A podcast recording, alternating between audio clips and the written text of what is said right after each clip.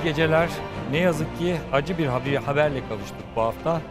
Irak'ın kuzeyinde bölücü terör örgütü tarafından düzenlenen saldırı ve ardından çıkan çatışmada 3 askerimiz şehit oldu. 4 askerimiz de yaralandı. Bölgede terör örgütüne yönelik operasyonlar devam ediyor. Milli Savunma Bakanlığı düzenlenen hava harekatında ilk belirlemelere göre 4 teröristin etkisiz hale getirildiğini açıkladı. Şehitlerimize Allah'tan rahmet, e, kederli ailelerine başsağlığı diliyoruz. Yaralı askerlerimize de acil şifalar diliyoruz. Peki gündemde neler var başka? Türkiye ne yazık ki Cumhuriyet'in 100. yılında devlette yapılanan tarikatları konuşuyor. Ve yine ne yazık ki Anayasa Mahkemesi daha önce aldığı bir kararın tekrar uygulatmak için bir başka karar almak zorunda kalıyor. Ve ekonomide AK Partili vekiller mecliste bu yıl geçen yıl alkışladıklarının tam tersini alkışlıyorlar. Geçim derdindeki Sadık abi ise maaş zammını bekliyor. Önce tarikat kıskacındaki eğitim diyoruz. Sizin tarikat cemaat dediğiniz bizim STK dediğimiz yapılarla toplasanız 10 tane protokolümüz vardır. Onlarla da protokol yapmaya da devam edeceğiz. Çatlıyorsunuz. Ne işi var bakanlıkta İsmail Ağa tarikatının? Nasıl misafir edebiliyor? Bunları sormayacağız mı? En çok Fethullahçılarla ilişkisi olan vekiller bize en çok saldıranlar oldu. Galiba sizin de böyle bir yaranız var. Bunu anlıyorum. Protokol yaptığımız bu sivil toplum örgütleri sizin çocuklar daha çıkarmanıza engel olduğu için çatlıyorsunuz. Ben o STK'larla protokol imzalaya devam edeceğim. FETÖ'ye polis akademisinin sorularını veren iktidarsınız siz. FETÖ'ye askeri okulların sorularını verenlersiniz. Ve yine FETÖ'ye ne istediğinizde vermedik diyenlersiniz. Bu protokollerle bize hizmet eden, bize destek olanlara da teşekkür ediyorum. Onlarla da protokol yapmaya da devam edeceğiz. Evet. Ee, ey Türk, ey millet biliniz ki Türkiye Cumhuriyeti şeyhler, dervişler, müritler, mensuplar memleketi olamaz. En doğru, en gerçek tarikat medeniyet tarikatıdır. Ebedi lider tek boşkomutan 30 Ağustos 1925'te bu cümleleri kurmuş ve 100 yıl sonra bir Milli Eğitim Bakanı az önce izlediğiniz gibi kürsüye çıkıyor ve tarikatlarla protokoller devam edecektir diyor. Ee, tabii çok acı bu durum. Geldiğimiz nokta Nevşin. Evet. Ee, onlar bir de diyor ki çocuklar daha çıkmasın diye e, e, engelliyorlar. Çocukların daha çıkmasını engelliyorlar. Bir gerekçe de gösteriyor. Yani burada bir de itiraf var. Yani biz devlet olarak çocukların daha çıkmasını engelleyemiyoruz. Onlar engelliyorlar. Şimdi tabii öncelikle e, şehitler için bütün milletimizin başı sağ olsun. E, ateşte düştüğü yeri yakıyor. O hani onu bir altın çizmek istedim. E, Milli Eğitim Bakanı'nın açıklaması diğer başlıklarda da konuşacağız bu tarikatlar meselesini. Ya aynı şeyi FETÖ'cüler için de diyorlardı. Aynı şeyi Gülenciler için de diyorlardı hatırlayacak olursanız. Yani daha çıkmasını engelliyoruz diye. Bir de aynı zamanda bu nasıl ben anlayamadım yani e, dindar olmayan herkes dağa mı çıkıyor? Bu nasıl bir bu resmen bölücülük yani toplumun bir kısmını diğer kısmına karşı kışkırtma bu. Yani bunu seküler biri başka türlü ifade etseydi hakkında soruşturma açılırdı. Şimdi seküler biri dese ki kardeşim bütün dindarlar dağa çıkıyor. Hakkında soruşturma açılır yani. Bu nasıl laf anlayamadım ben. Hayır, Dindar olmayan dağa mı çıkıyor? Ne şey alakası var? var? Türkiye'de tarikat, Tarikatçı cemaatlere giden insan sayısı belli. Tabii yüzde Aram, ikisi mi mesela hiç nüfusun? tarikata cemaate giden var mı? Burada yok mesela. Dağa mı gittik biz? Hayır hepimiz buradayız evet, işte. Çok yanlış bir ifade, yani çok bölücü bir ifade, sapan, çok yanlış bir ifade. Bence çok, çok yanlış. saçma O meşrulaştırma ifadesi.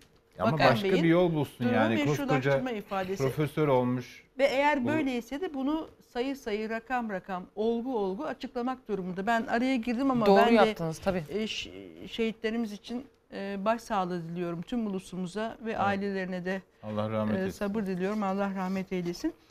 Bu konumuza dönecek olursak burada e, benim en çok dikkatimi çeken Milli Eğitim Bakanı Tekin'in meclis kürsüsünde tarikate tarikat, cemaate cemaat diyememesi oldu. Bunu, STK diyor. Bunu e, demiyor ya da diyemiyor. Şimdi desin o zaman bir tarikat dernek kurduğu zaman tarikat olmaktan çıkar mı? Çıkmaz. Bir cemaat vakıf kurduğu zaman vakıf olmaktan mı çıkar? Çıkmaz. Bir cemaatin, bir tarikatın vakıf ve dernek kurmasının bir tane sebebi var. O da devlet aygıtıyla hukuksal düzlemde ilişki kurabilmek, muhatap alınabilmek. Yapılan şey budur. Yani sivil toplum demek gerçeği çarpıtmaktan başka hiçbir şey değil. dürüst olmak gerekiyor. Milli Eğitim Bakanı da tarikate tarikat, cemaate cemaat desin ki şöyle diyor. Sizin tarikat ve cemaat dediğiniz ifadesini kullanarak da sanki bin yıllık bu kavramları da seküler düzeni savunanlar icat etmiş Ya gibi Çiğdem. bir şey. Bir kere bu taşere etmektir. Eğitimi taşere etmektir ve anayasanın 42. maddesi orada dururken temel Cumhuriyet'in temel ilkeleriyle ilgili maddeler eğitimle ilgili 42. maddesi orada dururken bu anayasaya aykırıdır yani apaçık. Biz bizim bunu söylememiz lazım. Cumhuriyete anayasa meydan okuyor. Evet öyle. Yani Allah aşkına bir şey diyeceğim. Şimdi belki de izliyordur bizi. İzliyorsa ya da tanıyanlar izliyorsa arasını söylesinler. Belki şey yapar, mesaj gönderir bize. Cübbeli Ahmet kendisine sivil toplum kuruluşu lideri denilmesini mi ister? Tarikat lideri demesi, denilmesini ister? Durum neyi o kendi Yo, çıkarlarına yani göre hayır, şey yaparsa öyle söylerler. Kızıyorlar. Tarikat, cemaat liderleri Milli Eğitim Bakanı'na tepki gösteriyorlar. Ne sivil toplum lideri kardeşim, ne sivil toplum örgütü kardeşim. Bizim koskoca itikatımız var, tarikatımız var, takvamız var, bilmem neyimiz var diye tepki gösteriyorlar. Yani sivil toplum kuruluşu deyince sen Cübbeli Ahmet'i getiriyorsun, atıyorum Kızılay gibi bir şey yapıyorsun. Bir cümle de araya gireyim herhalde bunu açacağız sonra diye bir cümle araya gireyim dedim. Kardeşim sivil toplumsa bu kadar sivil sevdalılarıysa niye polis de askerde örgütlenmeye çalışıyor? O başka bir şey. Onu belki bence de, detaylandırmak Evet. lazım. Milli yani. İrade Platformu diye bu yan yana gelip bir açıklama da yapmışlar. Bakan Bey ilkeli duruşu ve dik duruşundan dolayı da kutluyorlarmış. Bu da bir Evet. gelişme. Yani şöyle bir şey var. Ben bence bu bütün bu düzen ya din dersi öğretmenleri bu işe tepki gösteriyor biliyor musunuz? Yani adam diyor ki ya kardeşim ben okulda görev yapıyorum. İmam Hatip Lisesi'ni bitirmişim, İlahiyat Fakültesini bitirmişim, din dersi öğretmeni olmuşum. E, liseden sonra, İmam Hatip Lisesi'nden sonra okumamış bir imamı getiriyorlar. Benim görev yaptığım okulda çocuklara şey yapıyorlar. İşte sanki biz bilmiyoruz bunları, biz öğretemiyoruz. Ondan sonra da kalkıyor diyor ki bir tane aklı evvel. İşte vay efendim okula AFAD yöneticisi gidince oluyor da hemşire doktor gidince oluyor da e, din adamı gidince niye olmasın? Ya okulda doktor mu çalışıyor? Okulda işte polis mi çalışıyor? Okulda yani okulda din yani ilahiyat fakültesi mezunu e, İmam Hatip Lisesi mezunu öğretmenler çalışıyor. Din kültürü ve ahlak bilgisi dersi zorunlu artı böyle hileler yaparak başka dersleri de seçmeli, zorunlu seçmeli hale getirmişler. Bir çocuk bugün ilkokulda, ortaokulda falan en az 2-3 tane din dersi alıyor. E şimdi bu bununla yetinmiyorsun. Bir de ÇEDES projesi ürettiler. Oradan bir imam gelsin. Evet. Ya o zaman de- derdiniz nedir sizin? Be- Bence tamamen hedefi şu. Yani çünkü onların anlattıklarının 10 katını din dersi öğretmenleri biliyor ve veriyor zaten. Yani onların derdi çocuklara daha fazla din din öğretmek değil. İddia ediyorum ben bugün okullarda görev yapan din kültürü ve ahlak bilgisi dersi öğretmenleri o ÇEDES kapsamında gelen imamlardan çok çok daha bilgili ve birikimliler. Deniz imamlar sadece oraya gelmiyor. Sana İşte katkıda anlat- bulunayım. Bir şey var burada. ÇEDES protokolü çerçevesinde Muğla'da, Adıyaman'da mezarlık temizledikleri öğrencilerin ortaya çıktı. Kocaeli'nde bir imam anaokul öğrencilerine sunum yaptı. Ee, gelelim burada Diyarbakır'da bir öğrenci Saidi Nursi gibi giydirilip yaşamını onun ağzından İşte anlattı. oraya gelecektim. Bunların hedefi o tarikatları ne diyorlar ona De- dergah mı diyorlar, külliye mi diyorlar işte oradan çıkarıp okullar vasıtasıyla milyonlarla buluşturmak. Ya tarikat Cumhurbaşkanı ne demişti? Cemaat camide kardeşim. Evet. Öyle değil mi? Niye peki caminin, ibadethanenin ya da işte külliye mi diyorsun, dergah mı diyorsun? Niye oranın dışına çıkmaya çalışıyorsun? Niye okullarda olmaya çalışıyorsun? Niye orduda olmak e, olmaya çalışıyorsun? Niye poliste olmaya çalışıyorsun? Niye Sağlık Bakanlığı'nı ele geçirmeye çalışıyorsun? Demek ki derdin sadece inanç değil Evet. yani. ibadet değil. Devlette güç ve nüfus kazanmak. Bütün Elbette. dert budur ya. Çok çok da eski bir hikaye bu. Yani Adalet ve Kalkınma Partisi de başlamadı. 50-60 yıllık bir hikaye. Demokrat Parti'ye kadar uzanıyor yani bu. Ve ders çıkarmıyorlar iktidar. Yani 15 Temmuz'u yaşadık. Buradan ders çıkarmaları gerekiyordu. Çıkarmıyorlar. Ama ben başka bir şeyim var benim. Ee, başka bir e, hesap da var burada. Milli Eğitim Bakanı bunu kasten yapıyor. Hatırlar mısınız bilmiyorum. Ben bu programda eski bir Milli, Milli Eğitim Bakanı'nın yeni Milli Eğitim Bakanı ile ilgili söylediklerini aktarmıştım. Demişti ki açık açık demişti. Milli Eğitim Bakanlığı yapmış hala AK Parti'de olan birisinden söz ediyorum. Demişti ki siz karma eğitimi tartışacaksınız.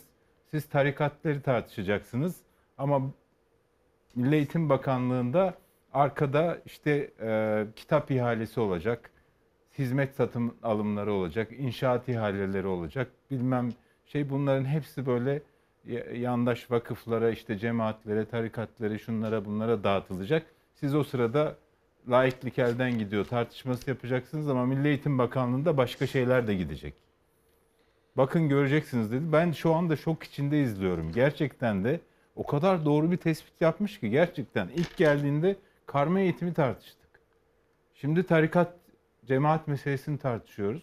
Yani bunu yaparak iki tane şey. Bir tanesi bu ihaleler falan mevzusu. İkincisi de iktidara seçim öncesinde malzeme yaratıyor. Ne diyecekler? Bakın göreceksiniz. Diyecekler ki eee, bakın işte laikler, muhalefet partileri dinimizin öğretilmesine karşı çıkıyor. Çocuklara dinimizin öğretilmesini istemiyorlar falan diye eee, muhafazakar camiye propaganda yapacaklar. Ama bence burada oyun planlarını bozacak bir isim var. Devlet Bahçeli. Devlet Bahçeli'nin ben e, Said e, pardon Şeyh Said konusunda yaptığı açıklamanın bir benzerini bu yakasına Atatürk rozeti takmayan asker ve bu okullardaki tarikat, cemaat yapılanmasına karşı da göstereceğini düşünüyorum ve bekliyorum. Yani Devlet Bahçeli'nin aynı şeydeki gibi o şey Said ayaklanması konusunda gösterdiği tavrı bu iki konuda da göstereceğini bekliyorum ve o zaman çok merak ediyorum acaba Milli Eğitim Bakanı ne yapacak? Murat'a gidelim. Pardon. Yo yo söyle. yo Mu- Murat Tamam, hiç Murat. söz almadı. Ben sonra Şimdi konuşurum. arkadaşlar Türkiye Cumhuriyeti Anayasası elimde. Yani Türkiye Cumhuriyeti'nin Anayasası'nın 42. maddesi söyledi az önce Çiğdem. 42. maddeyi Murat sana gelmeden bir hatırlatalım kabaca.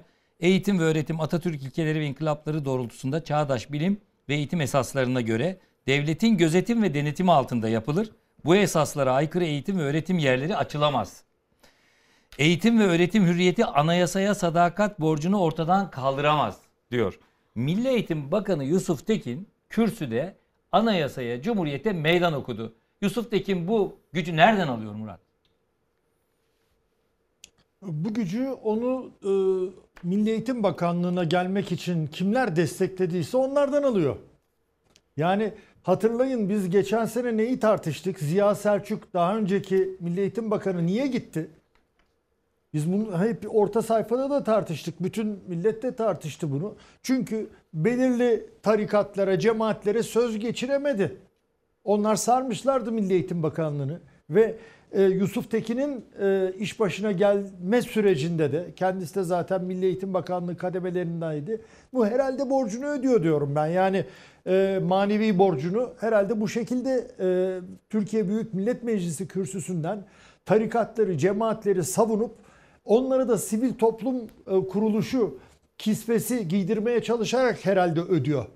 Yani e, böyle bir oh oh yapmadığı kaldı. Hani hatırlıyoruz e, şeyleri. Ama ama e, bakın şeyde Doğan e, programın girişinde okudun Atatürk'ün hani Türkiye şeyhler, dervişler, müritler şeyi. Onun bir bir cümle öncesini de ben müsaadenizle okuyayım. Kastamonu'da yaptığı konuşmadır Atatürk'ün. Bugün ilmin, fennin bütün kapsamı ile medeniyetin ışığı karşısında filan veya falan şeyhin uyarmasıyla maddi ve manevi mutluluğu arayacak kadar ilkel insanların Türkiye medeni toplumunda varlığını asla kabul etmiyorum diyor. Ondan sonra diyor ki işte efendiler ey millet iyi biliniz ki Türkiye Cumhuriyeti şeyhler, dervişler, müritler, meczuplar memleketi olamaz. Onu yapmaya çalışıyorlar. Yapmaya çalıştıkları budur. Başka bir şey değildir. Samsun'da yaptığı konuşma var onun arkasında. Orada da diyor ki en hakiki mürşit yani yol gösterici ilimdir, İlimdir, fendir. fendir. Şimdi ba- yani bir geriye alma süreci var. bir şeyi hatırlatayım. Hani tekrar soruyorum. Yusuf Tekin Sayın Milli Eğitim Bakanı bir borç mu ödüyorsunuz? Sizin o makama Cumhurbaşkanı tarafından atanmanızı sağlayan çevrelere bir borç mu ödüyorsunuz Türkiye Büyük Millet Meclisi'nden e, tarikatları, cemaatleri savunarak bize? Bu soruya cevap iyi olur diyorum. Yani ne cevap vereceğini de merakla bekliyorum. Şehitler haberiyle açtık. Ben de başsağlığı diliyorum. Ee, acı bir haber. Bir de bir hatırlatma yapayım. 22 Aralık 2015 e, şimdi e, 22 Aralık 1915 Sarıkamış felaketinin yıl dönümüdür. On binlerce Mehmetçik Sarıkamış dağlarında şehit olmuştur. Bunu da e, hatırlatıyorum. E, onların da ruhunu şad edelim. E, bu bize başka bir şey de gösteriyor Sarıkamış. Yani Evet. maceracı dış politikaların e, nelere mal olduğunu, memlekete nelere mal olduğunu da gösteriyor. On binlerce insanımız orada soğuktan çarpışarak ve soğuktan donarak maalesef şehit olmuşlardır. Evet. Çiğdem tam Murat'a geçerken sen bir şey söylüyorsun. Evet, e, önce Murat'ın sorusuna bir e, ek soru sorayım. Ondan sonra onu söyleyeyim. Zaten birbirine bağlı konular. E, Milli Eğitim Bakanı Yusuf Tekin meclis kürsüsündeki o konuşması sırasında sizin set, m, tarikat cemaat bizim STK dediğimiz yapılarla toplasanız onu geçmez dedi Protokol. protokol sayısı. Şimdi bu eğer 10 bu protokol sayısı kaçsa e, bu küçültülmeye çalışılıyor ama e, ne karşılığında imzalandı bu protokoller? Bu yapılar e, o dernek ve vakıf görüntüsüne sivil toplum gibi algılatılmak için der- dernek ve vakıf görüntüsüne girmiş bu tarikat ve cemaatlerle imzalanan protokollerin içeriğini gerçi sendikalar bunu paylaştılar ama biz biz bunu bilmek durumundayız. Mali boyutunu bilmek durumundayız. Mali boyutunu bilmek durumundayız. Bütçe kaynaklarından e, bu protokollerle o e, tırnak içindeki sivil toplum kuruluşlarına ne kaynak aktarılıyor, aktarılıyor mu? Süresi ne kadar ve bunlar denetleniyor mu? Denetim sonuçları nedir? Yani küçücük çocuklar emanet ediliyor onların eğitimine. Yani milli eğitim dediğimiz şey taşere edilmiş durumda. Kim denetliyor? Bu denetimin sonuçları nedir? Bu bir. Bir de bugünlere e, geleceğimiz aslında 2012 yılında 12 yıllık kesintisiz eğitimi sona erdiren 4 artı 4 artı 4 sistemiyle belliydi. Oradan murad edilen amaç da zaten buydu. O kesintisiz eğitimi parçalara bölerek dinselleştirmek. Evet.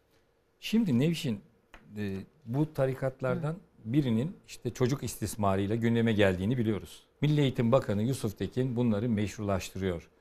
Bir veli olarak çocuklarımızın aldığı bu müfredata nasıl güveneceğiz? Bir. İkincisi atanamayan öğretmenlere yapılacak mülakatlara ne, bu kafayla nasıl güveneceğiz? Yani tarikatları meşrulaştıran bir kafa yapısı bu mülakatları nasıl yapacak ve neye göre seçecek? İnsanın aklına gelen en büyük sorulardan biri de bu. Evet. Yani tabii burada bir şey var. E, iktidarın kafasında bir şablon var. Bir ideal insan, ideal toplum şablonu var. E, herkese yani bütün topluma dayatmak istedikleri.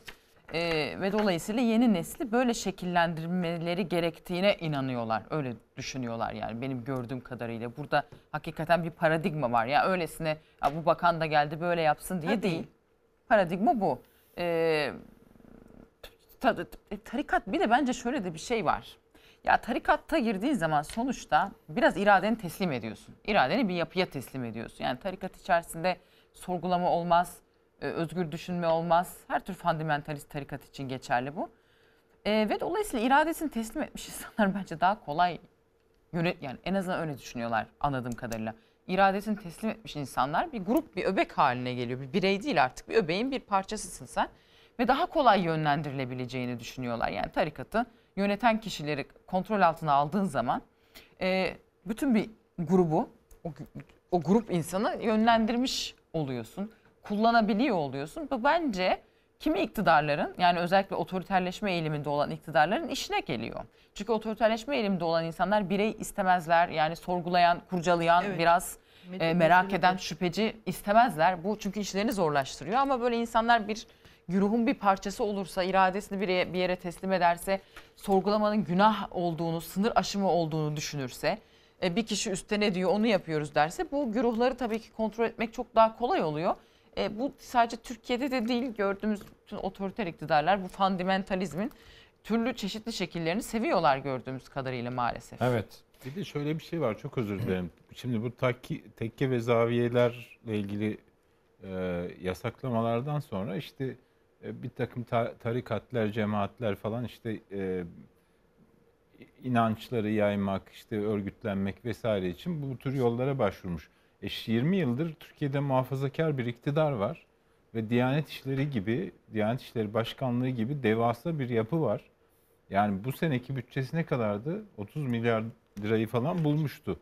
E şimdi yani Diyaneti kapatalım. Madem bütün din eğitimini şunu bunu tarikatlara, cemaatlere vereceğiz. O zaman Diyanet'te niye bu kadar para ödüyoruz? Milyarlarca lirayı niye Diyanet'e ödüyoruz? Diyanet İşleri Başkanı demek ki hiçbir işe yaramıyor. Yani madem mededi, mededimizi şeyden, tarikattan, cemaatten şey yapıyoruz. Yani din öğretmenleri için söylediğimin aynısını Diyanet için söylüyorum. Ben olsam bu ÇEDES programına en başta din kültürü ve ahlak bilgisi öğretmenleri olarak şikayet ederim, karşı çıkarım. Siz bizi adam yerine koymuyor musunuz kardeşim derim. Ondan sonra da Diyanet İşleri Başkanı bir şey söyleyebilir miyim Deniz'den sonra? Deniz bitirsin hemen Diyanet geleceğim buraya. İşleri Başkanı'nın yerinde olsam Milli Eğitim Bakanı'na derim ki kardeşim burada koskoca Diyanet Teşkilatı var. Sen de yani deli misin, divane misin? Niye Diyanet İşleri Başkanlığı dururken şeylerden, e, tarikatlardan, cemaatlerden medet umuyorsun? Gerçekten yani Sayın Yusuf Tekin şu soruya bir cevap versin. Bizim ödediğimiz vergilerle bütçelendirilmiş Diyanet İşleri Başkanlığı diye bir devasa kur- kurum var yani. Neredeyse TSK'dan daha e, fazla para harcıyor yani. Milli Eğitim'den de fazla para harcıyor. Onu, o orada dururken biz ona vergilerimizle bütçesini oluştururken niye biz tarikatlara, cemaatlere mecbur kalalım? Ya ben geçen Arifiye'de bir ta- tarikat yeri gördüm. Ya insan üzülüyor ya 9-10 yaşındaki çocukları böyle annelerinden, babalarından uzak başlarına da 5-6 tane erkek öğretmen koymuşlar. Onlar da aynı kıyafetlerde falan. Okulda olması gereken o yani o yaştaki çocukların orada ne işi var ya? Bu ülkenin geleceğini böyle mi şekillendireceğiz biz? Ya, ya çok üzücü. Yani bu e, bu- bunu politik olarak da kullanmak istiyorlar. Ya bakın işte laikler din din din istemiyorlar, dinimiz öğretilmesini istemiyorlar falan gibi şeylerde de söylemlere de kaynak yapmak istiyorlar ama çok acayip bir art niyet var orada. Evet evet. Aynen öyle. Devlet parasız yatılı okulları ortadan kaldırmalarının sonuçlarını şu anda görüyoruz. O çocukları, o pırıl pırıl beyinleri bu tarikatlara muhtaç ettiler ve gelinen nokta. Evet Murat. Şimdi Deniz'in e, Deniz'i desteklemek üzere bir şey söyleyeceğim. Ee, bu tarikat şeyhlerinden biri artık isimlerini sayarak da onların reklamını yapmak istemiyorum. Demedi mi kendisi ya e, çocuklarınızı İmam Hatip'e göndermeyin. E, orada daha kötü e, işte ateist oluyorlar, deist oluyorlar bilmem ne diye. Çıktı her tarafa.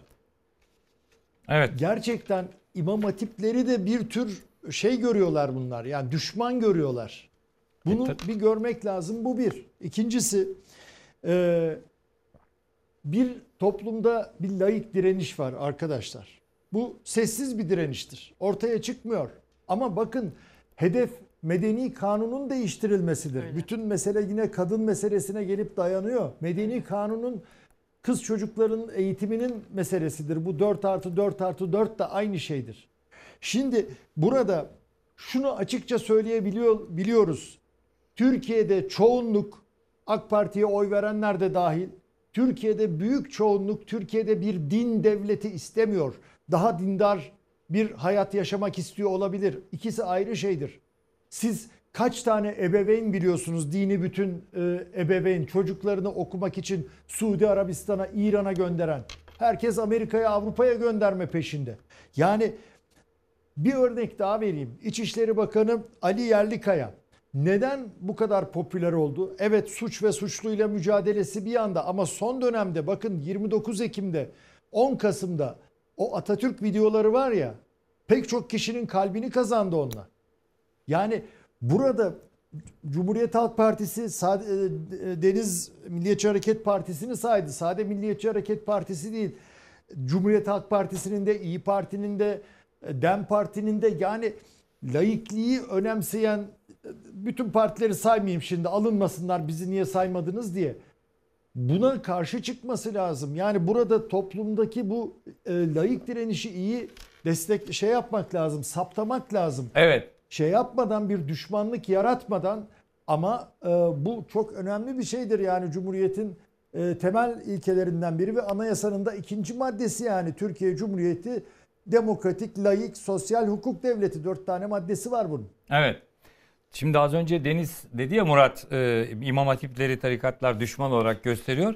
Diyaneti de düşman olarak e, gösteriyorlar ve böyle belirliyorlar. Çünkü Evet. 2019 yılında Tayyip Erdoğan Diyanet'e bir tarikatlar raporu hazırlattı.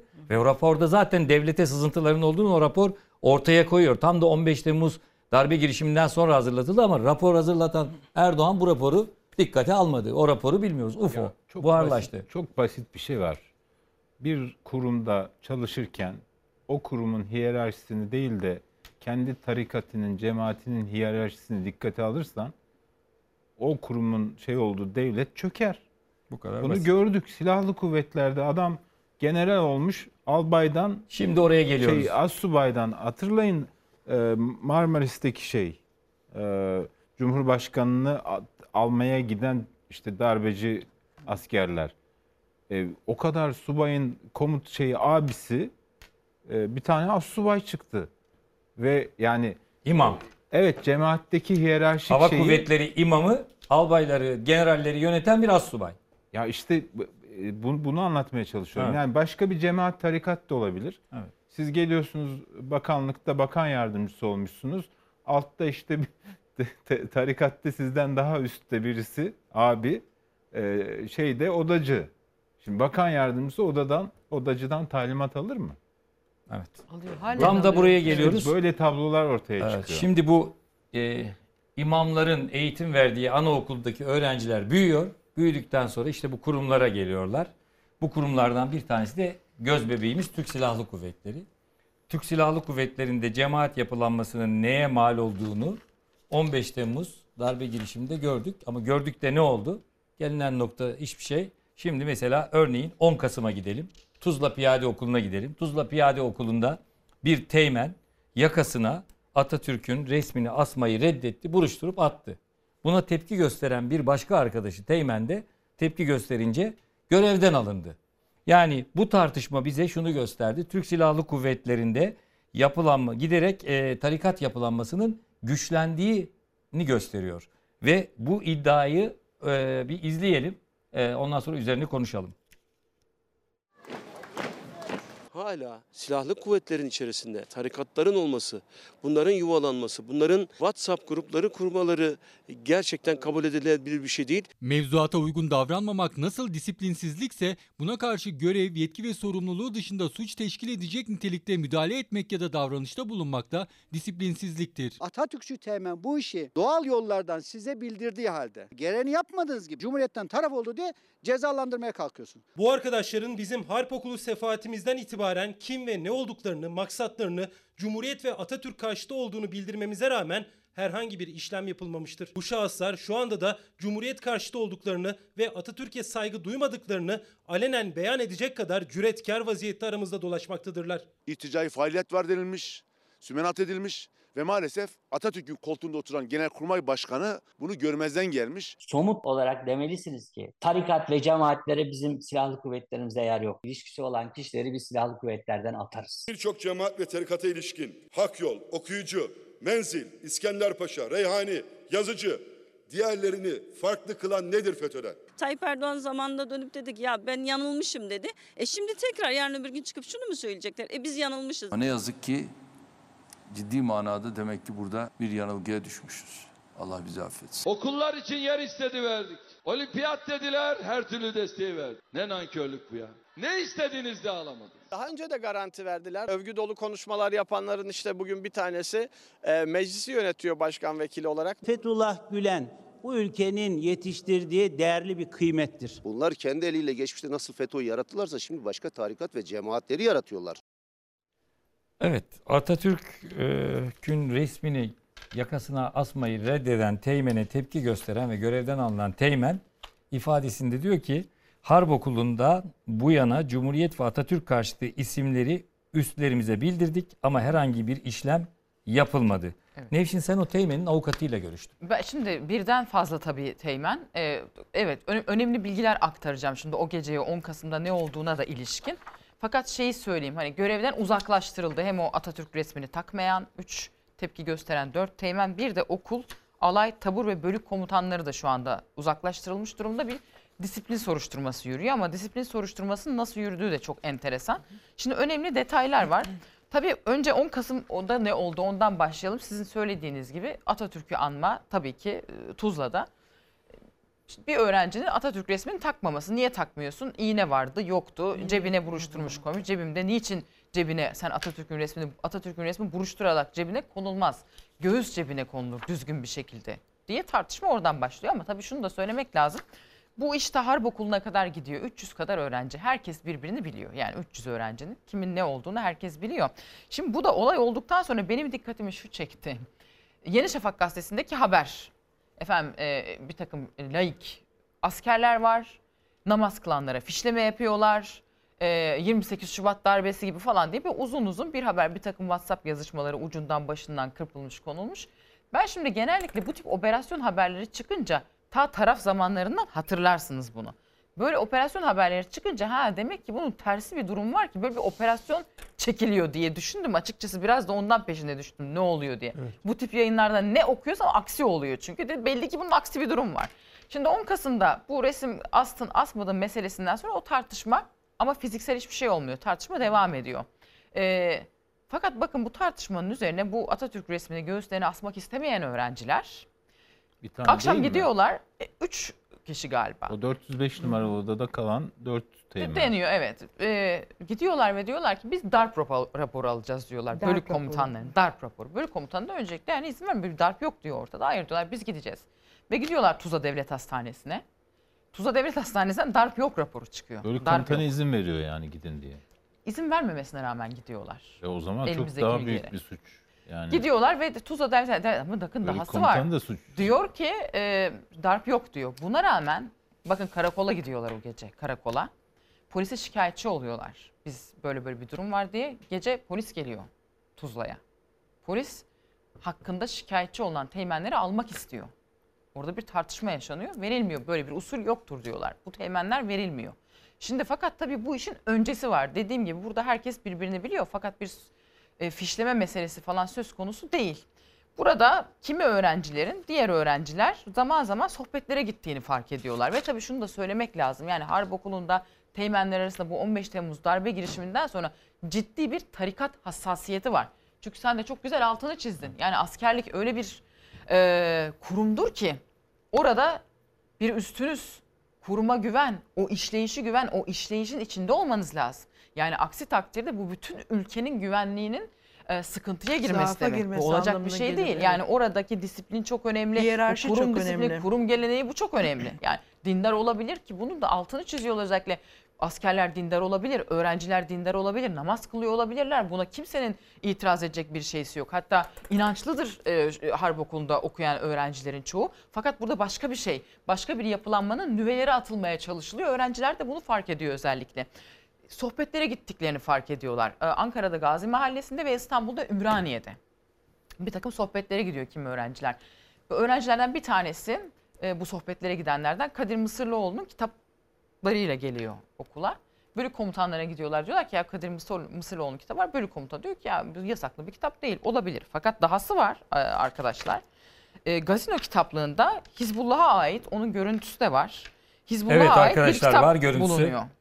Hizbullah'a Ee, ait mi? Evet. Hizbullah bir hareketin anlatılmamış öyküsü diye. Hizbullah'a ait değil de Hizbullah propagandası yapılan diyeyim daha doğrusu. Gazino kitaplığında bu kitap bulunuyor. Bunu da bölük komutanlarına götürüyorlar.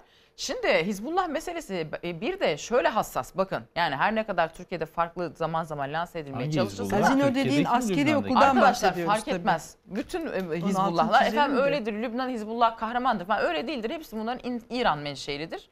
Ee, İran sponsorluğundadır. İdeolojik olarak da İran çerçevesindedir. E, Şimdi bu kitapların Kara Harp Okulu'nda elden ele geziyor olması Hizbullah propaganda kitaplarının şöyle bir sıkıntı. O zaman Ne oluyor yani bir yabancı ülke e, Kara Harp Okulu'na mı sızmaya çalışıyor bazı öğrencilerden diye bir soru işareti uyandırır. Bence çok çok tehlikelidir. Bunları da disiplin soruşturmasına avukatlar sunuyorlar. Bir başka yani ne var dindar olabilir. Fakat şöyle bir şey var hatırlayacak olursanız 6 yaşında bir kız çocuğunun bir tarikat içerisinde kendisinden çok büyük birisi evlendirildiğine Evlendirildi. ilişkin bir dava var.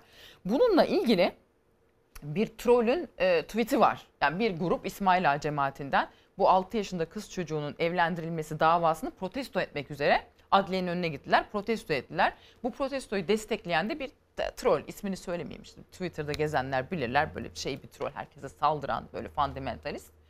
E, bu öğrencilerden bir tanesi o trollün tweetini like'lıyor.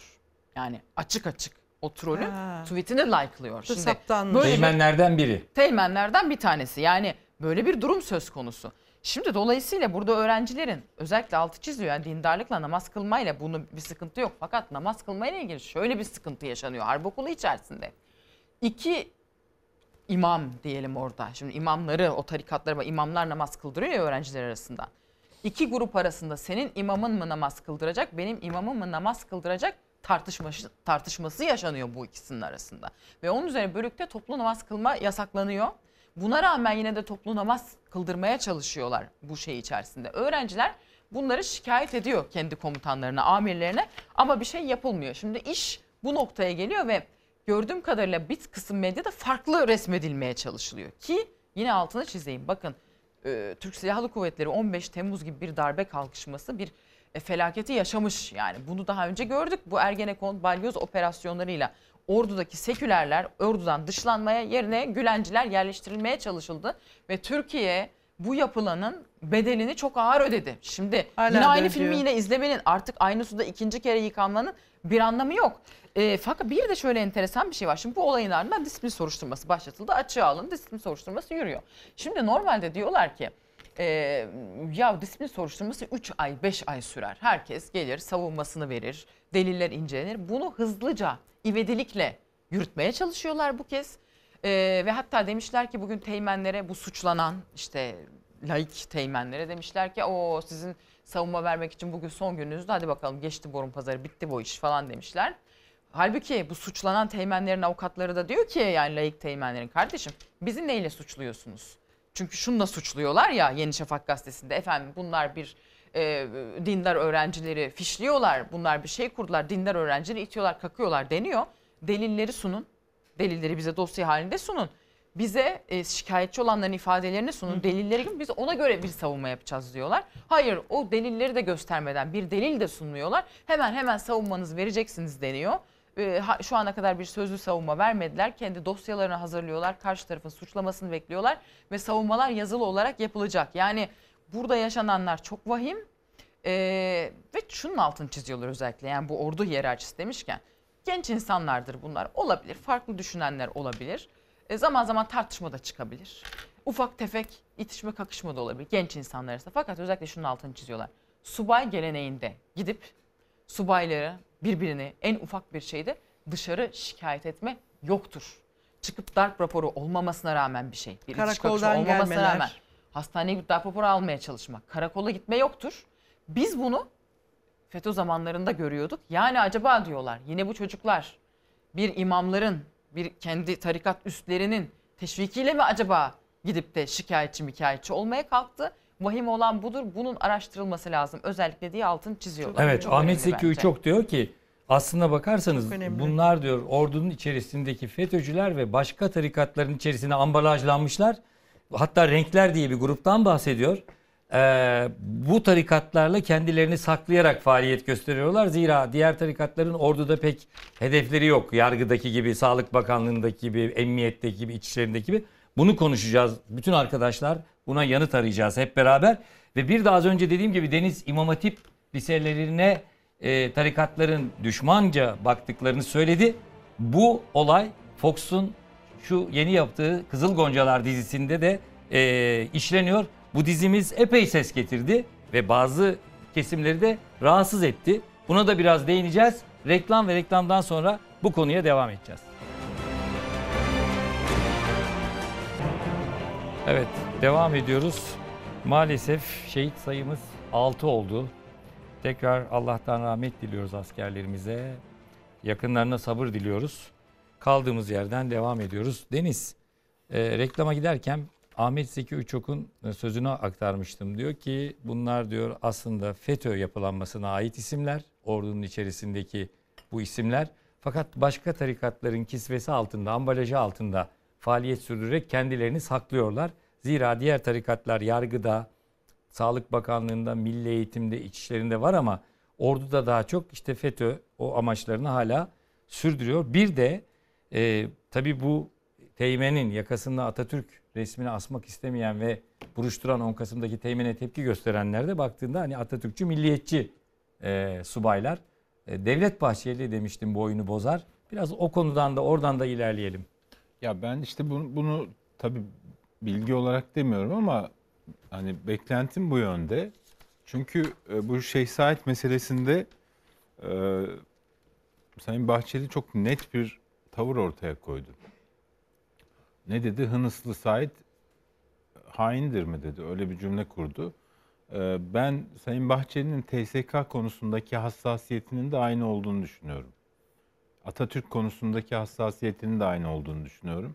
O nedenle bu olay karşısında e, benzer netlikte bir tepki vereceğini bekliyorum.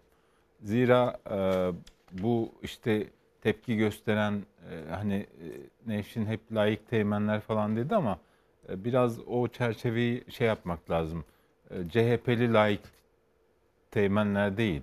Yani bunlar Atatürkçü, milliyetçi, e, belki de MHP seçmeni e, teğmenler. Yani enteresan. Öyle deyince yani bunlara karşı çıkanların hepsi işte ya CHP'lidir, şucudur, bucudur. Seküler milliyetçi diyorlar işte onlara galiba değil mi? Evet evet yani zaten biz yani ben yıllarca sahada çalıştım. Ee, TSK'nın mesela kış karargahlarına vesaire falan gittiğimizde terörle mücadele eden askerler vesaire baktığında birçoğu e, siyasal olarak hani ordu içinde onu göstermeseler de işte milliyetçi, ülkücü, işte öyle insanlar da öyle profillerdi yani. Burada da anladığım kadarıyla böyle bir şey var. Bir de bu çocuklar yani düşünün şimdi piyade okuluna geldiğine göre 2023'te 2018 girişlidir ya da 2019 girişlidir. Yani 2018'den 19'dan sonra e, referanslar çok önemliydi. Yani referanslara bakılarak alındı bu çocukların hepsi harp okuluna. Yani bir şeyden geçtiler.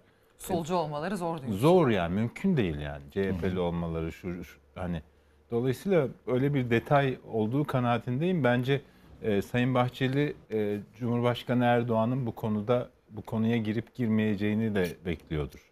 Yani Cumhurbaşkanı Erdoğan bu konuda daha konuşmadı bildiğimiz kadarıyla. Eğer bu Cumhurbaşkanı bir tepki gösterirse ona göre bir e, onun da e, şeyini duy belki bu salı günü hı hı. grup toplantısında bir açıklama gelebilir. Ee, Bekliyor musun sen hani yoksa gelse bir iyi duyum olur mu? anlamında mı? Nevşin'in sorusunu biraz daha açayım. Duyum mu? Ya Bir bilmiyorum açıklama belki mi? belki TSK'ya zarar vermesin bu tartışmalar diye kapatmak isteyebilirler. Onun için çok kesin konuşamıyorum. Yani E, kapatılacak gibi bir konu ya değil. ama öyle ya ben şöyle bakıyorum. Bakın e, içimiz yandı. 6 şehit haberi Öyle, var. öyle. Ve e, mesela bir teğmen var 2021 doğumlu. Yani e, geçen hafta bir teğmeni daha kaybettik. O da 2021 şey 2021 Maalesef, mezunu. maalesef. Çok özür dilerim. Şimdi bu çocuklar o çocuklar yani e, o piyade okulunda, topçu okulunda, şurada burada birlikte okuyan çocuklar. Bunlar e, ortak düşmana karşı savaşacaklar. Yani bu, bu ülke için, bu millet için ortak düşmana karşı sa- savaşacaklar. Şimdi düşünün bu ordunun mensuplarının birbirleriyle kavgasını düşünün yani. Bu, bu gerçekten e, hani yaşanmaması gereken bir olay. Onun için bu tür yerlere işte bu tarikatların, cemaatlerin vesaire girmesi tehlikelidir. Elbette. Bunu işte düşün, gördük. Düşün işte yani 10 Kasım'da yaşanan olayı düşün. Bu çocuklar yarın teröre karşı birlikte savaşacaklar. Ama bir e, şeyde topçu okulunda, piyade okulunda bir aradayken e, geçinemiyorlar birbirleriyle işte kavga ediyorlar vesaire. Yani bu e, işte tarikat cemaat mantığının TSK'ya girmesinin en doğal sonuçlarından biri bu. bu bunun ortadan kalkması lazım. Evet. Şimdi ben e, üst düzey biriyle konuştum e, programa gelmeden önce. Anladığım kadarıyla hem Atatürk resmini takmayanlar ordudan uzaklaştırılacak hem diğer teğmenler. Halbuki kamuoyunda şöyle bir beklenti var. E, Atatürk resmini takmayacak kadar ve WhatsApp grubunda hakaret, Atatürk'e hakaret edecek kadar e, bilenmiş, ideolojik e, bir bakışa sahip olan e, o teğmenle buna tepki gösteren işte şikayetlerinden şuradan buradan sonuç alınamadığı için e, artık bir şekilde öfkesine yenilip e, haklıyken haksız duruma düşen e, o teğmenlere aynı ceza verilmemelidir diye bir beklenti E var. yani TSK içerisinde bir kişinin yani bir ordu mensubu oluc- ol- olmuş bu insan. E, Atatürkçü ve milliyetçi olması beklenir zaten. Değil mi? Yani öyle normali bu- budur. Çünkü ya bu rejimin Ömer Türkiye Çelik- Cumhuriyeti'nin çerçevesi budur yani. Ömer Çelik dün açıklama yaptı. Benim de asker arkadaşımdır kendisi. Aynı e, koğuşta yattık. E, dedi ki e, Mustafa Kemal ebedi başkomutanımızdır dedi. Yani bu ordunun, bu silahlı kuvvetlerin ebedi başkomutanıdır. E şimdi ebedi başkomutanına saygı duymadığın bir orduda Tabii ki. niye durursun ki? Ömer Çelik Bahçeli'nin öfkesini yumuşatmak amacıyla bir hamle yapmış olabilir mi? Ee, bilmiyorum ama bu açıklama e, şey yapabilir. Yani e, bi- biraz e, MHP kanadını e, hani nasıl denir? Sakinleştirebilir. Evet, olumlu etkileyebilir. Evet. E, bir şey daha söyleyeceğim. Yani bu tür yerlerde böyle değişik nedenlerle kavgalar olur. Onlar o zamanlar disiplin soruşturması işletilir. İşte rüt, rütbe e, geciktirme vesaire falan gibi cezalar verilir bu kavga, arbede vesaire falan şeylerinde. Ama e, yani ötekisi başka bir suç o. Yani Evet, Atatürk tabii yani Atatürk eş- şeyini e, fotoğrafını yakasına takmamak ve Atatürk'e hakaret etmek başka bir şey. Başka bir suç. Dolayısıyla ikisine aynı cezanın verilmesi, ikisinin de ordudan ihraç edilmesi e, vicdanlarda e, vicdanları yaralayabilir. E, ben benim kanaatimce toplumda bu ciddi bir tepkiye neden olabilir. E, ama şunu da unutmamak lazım. Yani e, işte biraz önce de söyledim bu çocukların ortak düşmana karşı aynı cephede savaşması gerekecek. Bu şekilde de olmaz bu işler. Ya- Dolayısıyla bu- zihniyetteki hiç kimse TSK'da kalmasın gibi bir bakış açısı da olabilir. Ya Denizciğim eğer keşke Yunan kazansaydı da işte Türkçe ezan okunmasaydı falan diyecek şeydi Kadir Mısırlıoğlu'nun kitabını okuyan, Kadir Mısırlıoğlu'nu doğru bulan birisi keşke Yunan kazansaydı no- çizgisindeki birisi nasıl TSK'da olabilir ya? Bir de sen tarikatçı tamam Allah yoluna kendini adadın. Dostum o zaman senin orduda ne işin var ya? Ya tabii o zaman canım. git o işi yap. Önceki, Takıl yani gen- anlamıyorum ön- genel, önceki Genelkurmay Başkanı Hulusi Akar da onu ziyarete gitti. Bir de buradan bakalım. Evet ona yakın bir şey söyleyecektim Nevşin'in dediğini destekleyecek. Şimdi Atatürk'ün e, resmini yakasına asmamak bir günde oluveren bir tepki değil.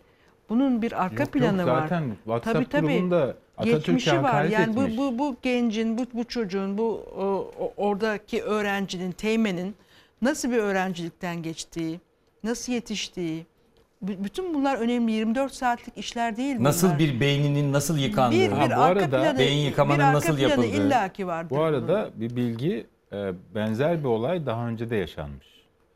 Yani yine böyle bir Atatürk karşıtı tavıra karşı bir grup asker e, işte bir kavga arbede yaşanmış ve Onun için biraz benzer daha makro bir bakmak ceza onlara gerekiyor. da verilmiş.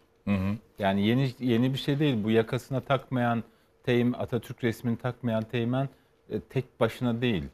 E, Nevşin'in de anlattığı o evlere gidip işte sohbetlere katılan gruplar Bir süreç mevcut. bir süreç Ve işi olduğu çok belli, bir sonuç şeyin, olduğu belli. e, bu e, yani bu Atatürk resmini takmayan teğmene müdahale eden teğmenlerden bir tanesinin ifadesinde var. Diyor ki biz bu arkadaşla arkadaşlarla e, Kara Harp Okulu'nda nurculuk faaliyeti yaparken de karşı karşıya geldik diyor. Onlar diyor böyle böyle faaliyetlerde bulunuyorlardı.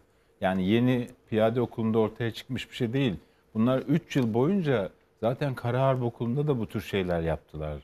Biz bunu defalarca bildirdik Ama hiçbir adım atılmadı diyor Evet. ifadesinde. Murat, e, yani şu anda basit bir disiplin soruşturması ardından görevden uzaklaştırma var. Deniz'in de dikkat çektiği gibi bir tarafta ciddi bir şekilde Atatürk'e meydan okuma var. Bir tarafta ona tepki gösteren milliyetçi Atatürkçü subaylar var. Aynı kefeye konulup aynı cezayı almaları zaten hani vicdanları yara- yaralayan bir olay. Bir de anayasaya, Cumhuriyete meydan okuyan işte Milli Eğitim Bakanı Yusuf Tekin, Atatürk'e meydan okuyan göz bebeğimiz ordumuzda kendine yer bulmuş ve barınmaması gereken bir teğmen. E, bunlar ne- nereye doğru gidiyoruz? Ders alınmamış 15 Temmuz'dan nerelere gelindiğinden öyle görülüyor. Şimdi Milli Savunma Üniversitesi denildi. Sivil bir dekan atan, e, rektör atandı. Subayların seçiminde sivil komisyonlardan geçiriliyor. Bunun da mutlaka etkisi var mı sana soracağım. Ve bir de parti devlet var. AK Parti bunun neresinde? Bu seçimlerin, bu komisyonların, bu terfilerin geldiğimiz nokta e, yani aslında bu sonuçları bundan dolayı mı yaşıyoruz demek istiyorum. Hayır AK Parti neresinde e, çok açık devleti işte 20 küsur yıldır Adalet Kalkınma Partisi yönetiyor. Yani e, soru kendi cevabını zaten içinde e, taşıyor. Burada ne tür bir aymazlık var? Bunu bunu şey yapmak lazım. Yani bunu sorgulamak lazım. 15 Temmuz'dan hiç mi ders alınmadı diyor Özgür Özel, Cumhuriyet Halk Partisi lideri. Alınmamış. Görülüyor. Yani hani bir yandan sorduğunuz zaman bunları konuşuyoruz yani yetkililerle e, bu işin içindeki insanlarla. E diyor ki ya kardeşim uzaydan biz e, şey mi getireceğiz işte her tarafı Fethullahçılar sarmıştı. Onlar gidince yerine başka insanları bulduk. Yani memleketin şeyi bu. Ya sanki Fethullahçıları da oraya başkaları getirmiş. Uzaylılar getirmiş filan. Yani bir yerlere e, şey yapmak o kadar kolay oluyor ki e, ne bileyim işte günah keçisi yapmak o kadar kolay oluyor ki nasıl açıldı o yollar buralara. Şimdi Fethullahçılar gidiyor. Efendim yok menzilciler yok nurcular.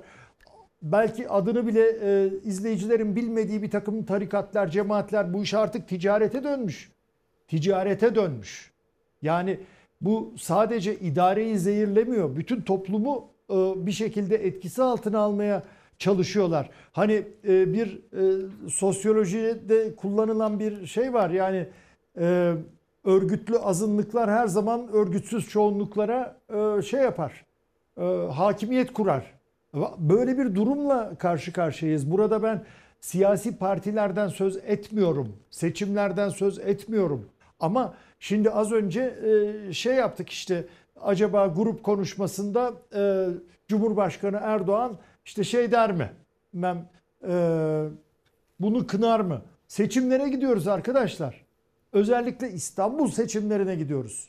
Bakın e, yeniden İstanbul diye bir sloganı var Erdoğan'ın. İstanbul'daki Adalet Kalkınma Partisi'nin tabanı 25 yıllık e, bir belediye döneminden de sonra şimdi son 5 yıldır e, şeyde ve belediye İstanbul Büyükşehir Belediye Meclisi'nin de çoğunluğu hala Adalet Kalkınma Partisi'nde ve doğru düzgün bir sürü işi yaptırmıyorlar Ekrem İmamoğlu'na. Bunu da biliyoruz. Dolayısıyla hani İstanbul'daki Adalet Kalkınma Partisi tabanını tutmak için tarikat ve cemaatlere savaş açması ya da onlara karşı gerçekten tedbir alması bana mantıklı ve akılcı gelmiyor. Yani bunlar bunları böyle şey olarak iyi niyetle ama yapması Murat lazım. şunu falan belirtmem lazım. Ama Ee, ne ordu göz görüyoruz. bebeğimiz olduğu için yani Cumhurbaşkanı nedir? Türk Silahlı Kuvvetleri'nin başkomutanı. Şimdi seçim hesapları stratejisi bir yana ama işte 15 Temmuz'da kendisi gördü bunu en büyük e, şeyi e, bu darbe Evet, girişimini. evet. Dolayısıyla orduyu buradan ayıklaması gerekmiyor mu? Başkomutan olarak ordunun bu halini tasvip mi edecek? Çıkıp kınamayacak mı yani? Tab ya tabii ki gerekiyor. Ben diyorum ki Doğan olanlarla olması gerekenler aynı değil. Evet olması gereken o. Olması gereken başkomutan sahip çıkması lazım değil mi? Oranın e, tehditlere karşı birlik içinde davranacağını sağlaması lazım. Davranmasını sağlaması lazım. Yani Milli Savunma Bakanı Yaşar Güler yani şimdi burada bir yandan Mehmetçik şey yapa çarpışırken hani çok üstüne gitmek istemiyorum ama yani en başta o yani bir fotoğraf diye e, anması sonra düzeltmek için bir açıklama yapılıyor. Her bir paragrafında Gazi Mustafa Kemal Atatürk geçiriyor. Yani e, ondan sonra bakıyorsunuz Atatürk'ün Atatürk'ü savunan e, şeyler de öğrenciler de aynı şekilde e, soruşturuluyor. E bu ne periz, bu ne lahana turşusu. Olmuyor. Evet, evet. Yani söylemlerle eylemler birbirini tutmuyor Doğan. Yok- Yoksa yapılması gereken senin e, söylediğin, işte Nevşin'in, Deniz'in söylediği, Çiğdem'in söylediği. Ama olan o değil. Olan o değil. Yani tekrar başa dönüyoruz. Yani birileri tamam mı? Birileri diyor ki Türkiye şeyhler, müritler, de- dervişler, meczuplar devleti olmalı tekrar. Bunlar azınlık, e, örgütlü bir azınlık ve iktidar partisi içinde de ne yazık ki etki ettikleri e, şeyler var, kesimler var. E, Sonuçta sandıkta da bir şekilde kendilerini onlara muhtaç hissedenler var. Evet. Şimdi Bu da tabii maalesef yaşadığımız gerçeklik. evet. Ve Kızıl Goncalar. Fox'un iddialı geçmeden bir şey söyleyebilir miyim? Çok özür dilerim. Bir de tabii askeri yargılama sistemindeki değişikliğin sonucunu da hatırlatmak Kuşkusuz, lazım. tabii. Yani şimdi bu askeri mahkemeler işte kaldırılsın, sivilleşme falan o kadar yanlış yorumlandı ki Türkiye'de. Yani şimdi düşün, düşün Nevşin anlattı işte. Ya birliğinden çıkıyor karakola şikayete gidiyor Teğmen ya. Ya. Yani böyle bir şey nerede görülmüş? Askeri yargılama yok. Düşünsene e, savaşıyorsun Suriye'de, Güneydoğu'da, işte Kuzey Irak'ta, şurada burada. Yani e, işte atıyorum Nizip'te bir, bir, yani şey, e, Kilis'te sen Suriye'de o sırada görevdesin bir şey oluyor. E, Kilis'teki bir savcıya ihtiyacın oluyor. Yani bir karar için, bir suç duyurusu için, bir şey için ya da işini gücünü bırakacaksın şeydeki e, Kilis'teki yani Suriye'de görev yapıyorsun. Kilis'teki e, adliyeye gideceksin, savcıya başvuracaksın. Ya böyle bir düzen ortaya çıktı. Yani bunun, bunun bu değişikliğin de TSK'daki disiplin Çok- sistemini e, çok ciddi anlamda olumsuz etkilediğini vurgulamak lazım. E, yani evet askerlerin sivil mahkemelerde yargılanmasının önünü açmak lazım. Demokrasi açısından bu, bu önemli. Ama sivillere karşı işlenmiş suçlar varsa vesaire ya da demokrasiye ya da Ya da anayasal Ama bir suç işlemişse. iki askerin arasındaki ya da askeri bir ortamla ilgili, askeri bir görevle ilgili yargılamalarda karakola gittim, şikayet ettim, savcı ya, ifadesini aldı bilmem ne falan. Bunlar çok garip şeyler. Türkiye'de daha önce yaşanmamış şeyler. Bunların da bu vesileyle görülüp düzeltilmesi lazım. terfi sistemi, harp okullarının yerine kurulan Milli Savunma Üniversitesi'ne alım, ardından senin altını çizdiğin gibi yargılamanın askerden bizim çıkarılıp sivile bak- verilmesi. Askeri doktorlar vardı. Tamamen kendisi uzman. Tabii. Bunlardan vazgeçildi. Ya savaş cerrahisi diye askeri şey cerrahlar. vardır. Yani Yani- Amerikan ordusunda, dünyanın en büyük ordularında bile senin söylediğin gibi askeri savcılar, askeri yargıçlar var. Hayır yani ordu içindeki bir şey bu. Yani Gayet bir, tabii. bir tarafta asker bir tarafta sivil olsa tamam sivilde bir şey olur Kuşkusuz. ama yani iki asker arasındaki bir olay. Evet. Dışarıda karakolda e, ya da işte adliyede ne işi var bunların Evet. yani? Bir de nasıl çıkmış o mesela kışlasından da gitmiş polise şikayetçi Demek ki olmuş. durduramıyor bölük Ya komutanı. bölük komutanının Düşün. sözü geçmiyor Bir demek otorite ki. yok. Demek ki. Yani acaba bunlar böyle bir takım yerlere angaje olduğu için, tarikatçı olduğu için bir dokunulmazlığı mı var zımni olarak? Demek ki Yani böyle bir bil- şey var herhalde. işte bu- bu- Bilmiyorum bunların ama. hepsi soru işareti. Evet soru Evet. işareti. bir otorite boşluğu görülüyor. Ve Türkiye'deki tarikat gerçeğini gözler önüne seren e, Fox'un iddialı dizisi Kızıl Goncalar. İlk bölüm yayınlanır yayınlanmaz inanılmaz kamuoyundan bir destek, bir beğeni geldi. Ama bazı kesimleri de doğal olarak rahatsız etti Kızıl Goncalar. Rahatsız oldular. E, oysa dizi tamamen bir senaryo. Yani tamamen hayali bir e, tarikat ve e, e, tiple, tipler üzerine kurulu e, oradaki roller. Fakat bazıları her zamanki gibi rahatsız oldu Nevşin. İzledin mi diziyi? Ben izledim vallahi ya. Ee, Evet. güzel beğendim. Ee, İsmail Ağa cemaati bir açıklama yapmış herhalde. Yalnız e, Ayşe Çavdar anlatıyordu sevgili. Diyordu ki İsmail Ağa cemaatinde açık zikir olmaz ki. Niye üstlerine alınmışlar? Ne alakası var? Evet. O da bildiği için tarikatları e, o e, tedrisattan da geldiği için söylüyor. Yani bu diyor aslında pek çok baş bir tarikatın çeşitli özellikleri alınmış ve dediğiniz gibi hayali yani kimsenin üstüne alınması gereken bir şey yok ama şimdi öyle bir şey var ki ne denir buna artık? Fundamentalist şeysi. Ya kendilerini özellikli sanıyorlar. Hiç eleştirilemiyor bunlar ama bunlara hiç dokunamıyor. Dokun- bunlar çok iyi. Ama talep ediyorlar. ya kardeşim Türk sinemasında e, bizim çok o güldüğümüz Yeşilçam'da bile her zaman sarışın kadınlar hafif meşrep, mini etekli mini etek giyen kadın işte oynak falan biraz şey stres. E ne yapalım o zaman biz mini etek giyen kadınlar olarak açıklamalar mı yayınlayalım biz hafif meşrep değiliz diye. Yani bu ülkede biz laikler, sekülerler, ne bileyim böyle özgür bir yaşam tarzı olanlar yerlerden yerlere çarpılıyor her dizide, her filmde. Kimse de bunu üstüne alınmıyor. Karakterdir olabilir. Burada bir yaratıcılık yapmış senarist, yönetmen diyorsun, geçiyorsun, gidiyorsun. Fakat işte bu fundamentalist kafa yapısı. Bunlar hiçbir şey denemiyor. Bunlar tövbe haşa hiç eleştirilemiyor. En süper bunlar, en güzel bunlar. İşin acayip kendilerini de böyle görüyorlar. Yani iradesini, aklını teslim etmek dediğim bu. Hiçbir ya acaba biz bir şey yanlış yapıyor olabilir miyiz? Acaba bu yapının içerisinde niye küçük çocuklar tecavüze uğradı? Yok bu hiç soruşturulmuyor. Hayır. Biz o kadar süperiz ki kimse bize bir şey diyemez. Bize bir şey diyen bir de te- tehdit de ediliyorsun biliyorsun. Bunlara bir şey dersen tehdit ediliyorsun. Aman ona şey deme onlar tehlikeli falan diyorlar mesela. Niye kardeşim neye göre yani? Böyle bir şey aman bunlar filmlere de konu edilmesin. Aman dizilere de konu edilmesin falan. Kardeşim daha görünür olmayı siz istemediniz mi? İlla orduya gireyim diyorsun. Yok bilmem ne bakanlığı benim olsun diyorsun. E sen görünür oldukça hakkında dizi de yapılır. Hakkında film de yapılır. Daha da çok eleştirilirsin. Yani bu iki kere iki dört. Hem biz görünür olalım hem her yerde olalım. Hem de kimse bize Bizi hiçbir şey konuşmaz. diyemez. Öyle bir şey yok ki. E şimdi her yerdesin. E görünür oldukça insanlar da izliyor. E, izlediğinde yansıtıyor yani olan bu.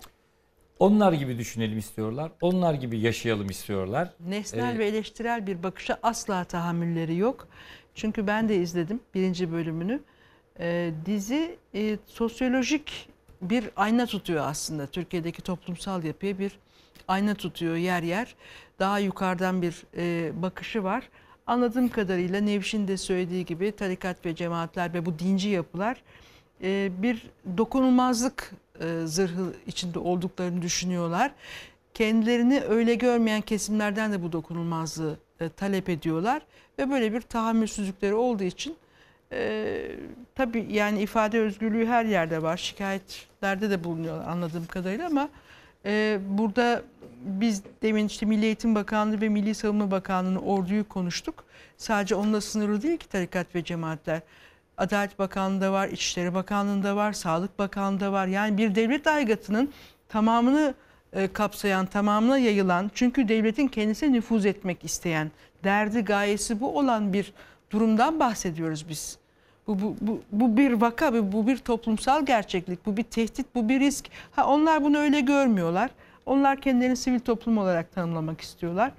E, ama e, görünür olmayı istedik isti, görünür e, olmaları olmalarını da kabul etmeleri gerekiyor. Elbette. Bu kadar Elbette. bu kadar Yani mesela yaygınken. dizide benim izlediğim gayet çok akılcı yaklaşımlar, çok rasyonel yaklaşımlar var. Az önce sen dedin ya tarikatlar İmam Hatip'e de karşılar ve düşmanca tavır içinde. Dizide şunu diyor diyor ki dini eğitiminizi gidin İmam Hatip'ten alın. Yani orada İmam Hatipleri adres gösteriyor. Ee, e, im- e, Diyaneti adres gösteriyorlar. E, bundan niye rahatsız oluyorlar? Yani dinimiz sadece onların tek elinde mi ya? Din demek onların tarikatların dini de bizim dinimiz değil mi? Ya işte e, bu yani çoğulculuğun değil de çoğunlukçuluğun olduğu toplumlarda böyle bir şey vardır. Yani e, kendini güçlü hisseden kendi otoritesine herkesin üstünde hakim kılmaya çalışıyor. Yani sonuçta bu bir dizi ya. Televizyonda yayınlanan bir dizi. Hani bir eleştirim varsa çıkarsın söylersin de yani e, bunun iyice çivisini çıkarmaya da gerek yoktur yani. Yaygın bir E, şekilde izleniyor olması onlar için belli bir endişe ya ve ama rahatsızlık şu- kaynağı olmuş. Hayır şunu başka bir televizyonda başka bir dizi de var. O, o da çok seviliyor mesela. O da çok izleniyor.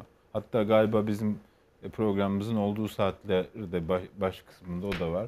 O da çok seviliyor, izleniyor falan ama yani e, ortalık hani yıkılmıyor. Dünyanın sonu değil. Be- beğenmezsen izlemezsin. Bu kadar basit. Yani bu böyle kendilerinin rahatsız olduğu şeyleri mesela Atatürk'ün düşman gibi gösterildiği şeylere sen tepki gösteremezsin. Yani çünkü sen iktidarda değilsin, sen güçlü değilsin, sen azınlıksın ya da başka bir şeyin kötü gösterildiği bir ifadeye karşı çıkamazsın ama bunlar çoğunluk, bunlar güçlü, bunlar iktidarda falan e, onların istemediği hiçbir şey bu ülkede olmaz gibi. Ya bir de enteresan bir şey. Bundan artık Ankara'da herkes rahatsız.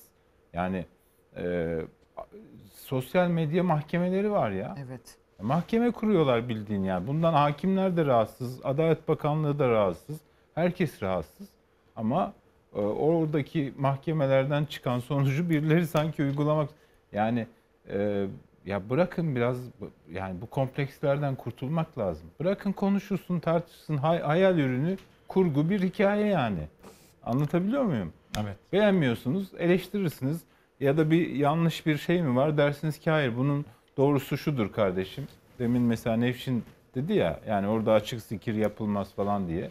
Bunu söylersiniz doğrusunu olur biter bu kadar basit ya ne yani bu ülkenin halkını sürekli bir gerilim ve stres içinde tutmak için kodlanmış bir yapı var. Yani sürekli gergin olacaksın, sürekli kavga edeceksin, sürekli kutuplaşacaksın. Böyle bir şey var sanki, zihniyet var. Ya beğenmiyorsan izleme. İzlediğinde de seni rahatsız eden yani yanlış olduğunu düşündüğün bir e, olgu varsa ona itiraz et. Evet. Aslında meselenin özünde biraz da şu var galiba. Bu tür yapılar, tarikat ve cemaat yapıları e, bütün gündelik hayatı düzenleme gibi bir iddiaları var. En ince ayrıntısına kadar. Hayatın her noktasını. E, bu günlük hayatın kendilerinin dikte ettiğinin dışında bir şekilde eleştirilmesine esas tahammülsüzlük gösteriyorlar. Yani Mes- mesela mesele bak bu. ben mesela e, doğrusunu isterseniz çok öyle bir şeyim yoktur yani hiç gö- gözle görmüşlüğüm vesaire falan. İlk defa bir tarikat şeyini gördüm böyle e, Sakarya'da. E, gerçekten etkilendim yani şöyle o, o etkilendim. Ya küçücük çocuklar hepsinin başına bir tane şey koymuşlar sarık. Üstlerine de bir cübbe giydirmişler. 9-10 yaşındaki çocuklar. E, yani onları görünce dedim ki ya bu çocukların şu anda okulda olması gerekiyor. Gün içinde, ders saatinde yani ne işleri var burada falan diye bir hisse kapıldım. Şimdi e, bu ben hani bu diyelim bir filme konu edildi. Bir filmde bir sahne olarak karşımdan geçti. Yani e, bu böyle bir olgu varsa bunun ekranda görünmesine niye itiraz ediyorlar ki yani? aslında çok uluslararası bir standart var, evrensel bir standart var çocuğun üstün yararı diye. Bu her yerde dikkate alınır. Daha doğrusu demokratik hukuk devletlerine dikkate alınır. Dediğin gibi çocuğun üstün yararı o okul saatleri içinde orada o şekilde olmak değil. Aslında derste, sınıfında örgün ve yaygın eğitimi e, milli eğitimin Anayasanın bir okulunda 42. maddesi evet, az önce sen de almak. bahsettin ben Evet. de bahsettim. Anayasal anayasa çizmiş. Ee, yani burada bir de mesela 6 yaşında çocuğunu tarikat şeyi müridiyle evlendirmiş mi? Bu ülkede yaşanmadı mı bu? Şimdi görüntüde bu ne? Ya böyle şey olur mu? Bu, bu ahlaksızlık falan dersin tamam mı? Bunu niye tarikatlarla ilgili ilişkili gösteriyorsunuz falan dersin. Dizide olsa değil mi? Yani bu olay bir dizide yaşansa bir tarikat şeyhi 6 yaşındaki çocuğunu bir müridiyle evlendirse o dizide ne dersin? Ya böyle ahlaksızlık olur mu dersin? Şimdi gerçek hayat. İşte bunlar tarikat gerçeğini olumsuz etkiliyorlar bilmem olumsuz propaganda yapıyorlar falan dersin değil mi? Ama bu yaşanmış. Bu ülkede yaşanmış. Ve mahkeme kapısına gidiyorlar aynı aynı yani bu diziye tepki gösterenler mahkeme kapısına gidiyorlar 6 yaşında çocuğunu evlendiren adama destek gösterisi yapıyorlar. Ne diyeceğiz şimdi buna? Nasıl izah edeceğiz? İşte onların Hadi algıladığı ve tarif ettiği Şimdi devlet de muhafazakar aynı değil. kesimden de diziyle ilgili çok e, ilginç çıkışlar var Murat. Mesela isim vermeyeyim ama pek çok kişi de şunu söylüyor. Diyor ki bu diziler neden çok izleniyor? Mesela Kızıl Goncalar neden toplumda böyle olumlu reaksiyon gördü ve herkes tarafından desteklendi, izlendi? Acaba biz mahalle, kendi mahallemiz olarak e, bir şeyleri yanlış yaptığımızı kendimizi eleştiriyor muyuz veya kendimizle yüzleşiyor muyuz diyor. E, sen ne diyorsun e, Murat? Şimdi bir hazımsızlık var ortada. Yani e, bir kere televizyon yani kendi yaptıkları diziler seyredilmiyor arkadaşlar. Yani şey dışında işte TRT'nin yaptığı yüksek prodüksiyonlar var. Onlar dışındakiler seyredilmiyor. Ne yapsalar seyredilmiyor. E burada da az önce birazcık söylemeye çalıştım. Yani toplumda bu artık bir doygunluk noktasına geldi. Doygunluk noktasına geldi. Bakın bakın pek çok muhafazakar yazar diyor ki ya bu imam hatiplerde bile artık bir tepki doğmaya başladı. Yani bunu bir abartmamak lazım artık. Türkiye bir din devleti olmuyor. Toplumun çoğu bunu istemiyor. Dindar olmak başka bir şey. Dine saygılı, inanca saygılı olmak başka bir şey. Din devleti olmak başka bir şey. Bu istenmiyor. İşte bu bu tür prodüksiyonlar ortaya çıkınca insanlar da seyrediyor. E seyredilmesini istemiyorlar. Bakın çok önemli bir şey var. E, ayrıntı var. O 6 yaşında evlilik adı altında 29 yaşındaki insana hani peşkeş çekilen o gariban çocuk var ya onun ifadesini okumuşsunuzdur sizde. Diyor ki ben hep böyle olduğunu zannediyordum.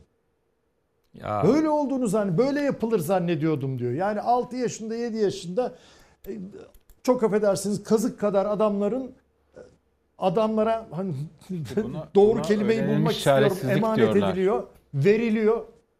Tamam mı? Yani e, efendim Denizciğim bir şey Buna- dedin herhalde. Buna, buna öğrenilmiş çaresizlik diyorlar.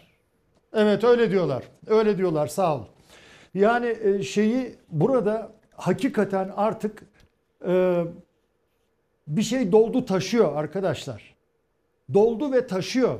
Burada işte bu tür dizilere gösterilen rağbet o dolup taşmanın işareti. Buna katlanamıyorlar. Buna katlanamıyorlar. Bunu hazmedemiyorlar. Hem de şurada işte artık e, ne bileyim hani bizim dünyamız mı ifşa oluyor acaba? dünyayı hep böyle bilenler başka türlü bir şeyler de mi görmeye başladı? Kendi gibi insanları görüp acaba orada yani dizide çok güzel bir şey var. İstanbul görmemiş bir kız aranıyor. İstanbul görmemiş yani modern dünyayı görmemiş isteniyor. İşte o 6 yaşındaki çocuğun büyüyünce verdiği ifade ben dünyayı böyle sanıyordum diyor. Evet. Bunun ortaya çıkmasını istemiyorlar. Kendi din ticaretleri, kendi baskı düzenleri bozulsun istemiyorlar. Tepki budur. Evet. Şimdi milli eğitimle başladık. Ee, göz bebeğimiz Türk Silahlı Kuvvetleri'ni e, konuştuk. Oradan tabii yargıya geldiğimizde yargısız yargı vazgeçilmezimiz. En önemli şey adalet. Fakat Hakimler Savcılar Kurulu'nun güz kararnamesi, güz kararnamesi e, de bazı savcıların atamaları yapıldı. Ee, adalet yeniden yeni bir yara mı aldı diye düşündük. Çünkü neden? FETÖ soruşturmalarını, Dilan Polat soruşturmalarını yapan savcı Erzurum'a sürüldü. Sürüldü diyelim yani bunu e, açık açık konuşalım. Ve sonra müfettişlere ifade veren tanık olarak bir ba- başka savcı da e, bölge mahkemesine gönderildi. Ve hazır adalet demişken, yargı demişken Anayasa Mahkemesi'ne gelelim. Anayasa Mahkemesi'nde biliyorsunuz Can Atalay meselesi var. Anayasa Mahkemesi ikinci kez hak ihlali kararı verdi. Ve üstelik bu kez e, tahliyenin ve infazın durdurulması için e, tam e, çoğunlukla oy birliğiyle bu kararı verdi. Bir izleyelim üzerine Bir de konuşalım. 100 bin lirada manevi tazminat var. Bugün filan. Anayasa Mahkemesi yeniden saati doğru göstermiş. Can Atalay'ın resmen tam 221 gündür hukuka aykırı bir şekilde esir tutulduğunun ikinci kez bu anayasal hüküm altına alınmasıdır. İstanbul 13. Ağır Ceza Mahkemesi'nce başvurucunun yeniden yargılanmasına başlanması, mahkumiyet hükmünün infazının durdurulması, ceza infaz kurumundan tahliyesinin sağlanması ve yeniden yapılacak yargılamada durma kararı verilmesi şeklindeki işlemlerin yerine getirilmesi için anılan mahkemeye gönderilmesine oy birliğiyle. Anayasa Mahkemesi kararları bağlayıcıdır. Ancak Yargıtay kararları da bağlayıcıdır. Kesin hüküm.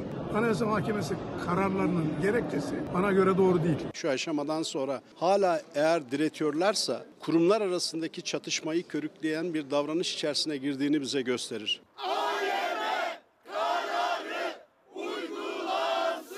Anayasa Mahkemesi'nin önceki ihlal kararına Yargıtay dairesi uymamıştı. Bu yeni bir karar. Kararın değerlendirmesini de yine ilgili mahkemeler yapacaktır. Gerekçeli kararın da yayınlanması lazım. Sonraki süreçte resmi gazetede yayınlanır. Sonraki süreçte yargı süreci içerisinde tüm bunlar değerlendirilecek hususlardır.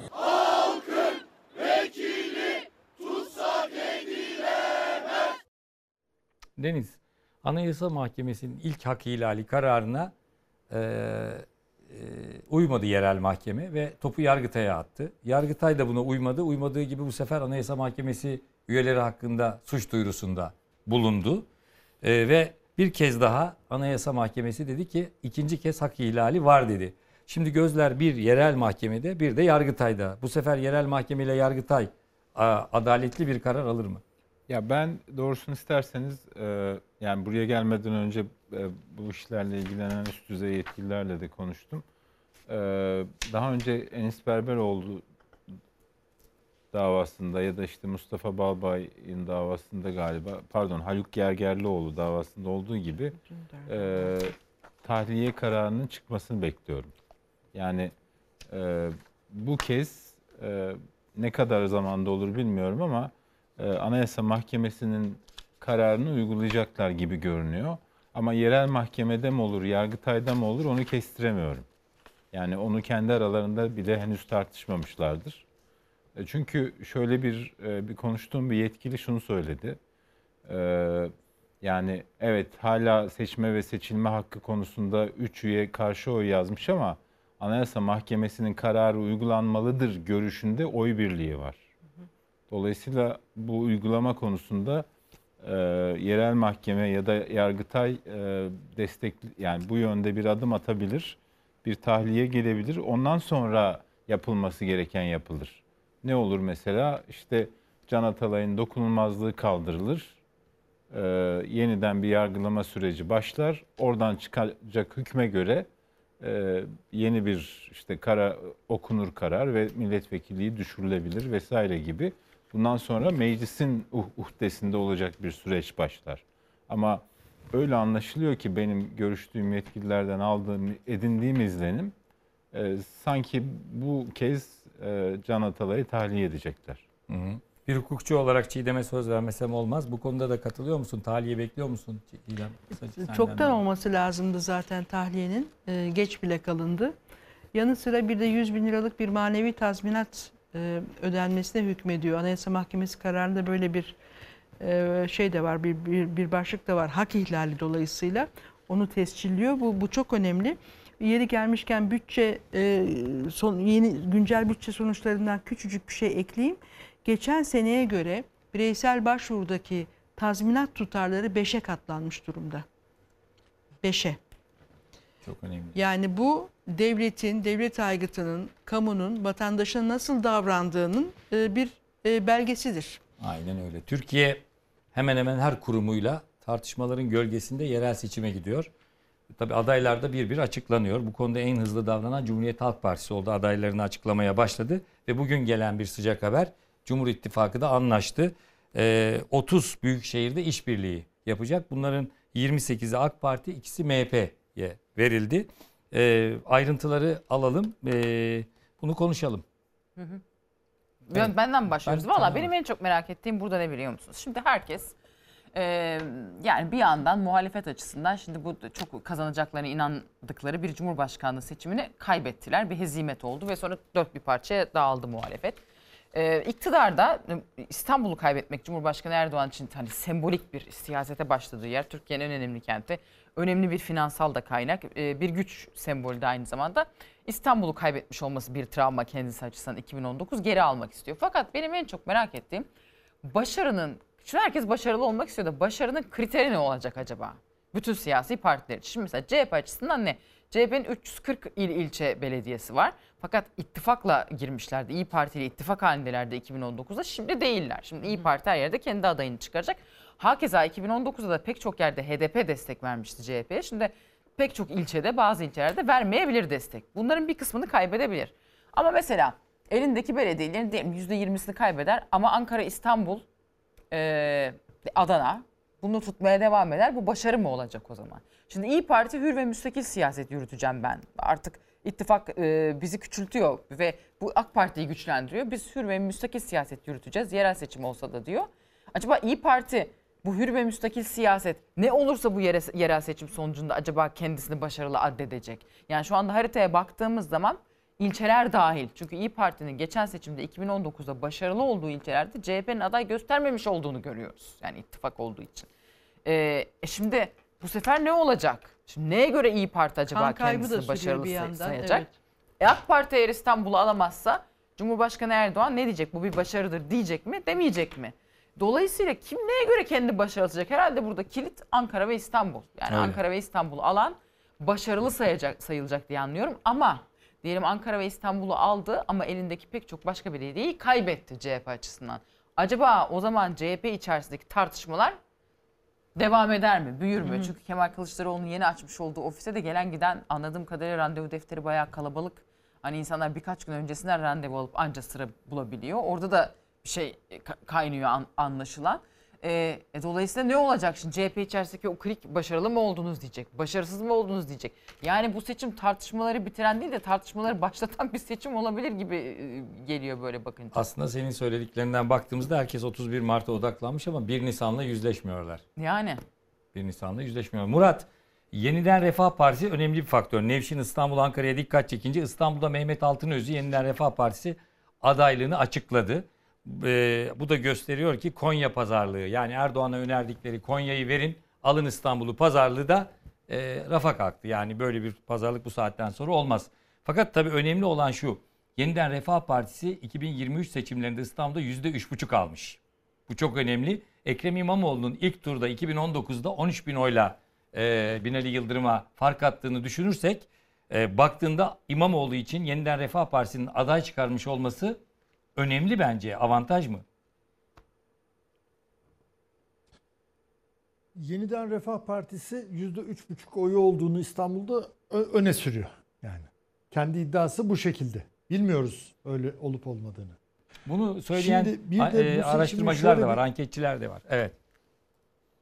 Olsun. Yani olsun. Ben başka bir yere varacağım Doğan. Var. Bu seçimde bakın yani açık konuşayım. Hiçbir parti kendi seçmen kitlesine yüzde yüz hakim değil. Çünkü artık seçmen de bir kendine geldi. Bir uyandı.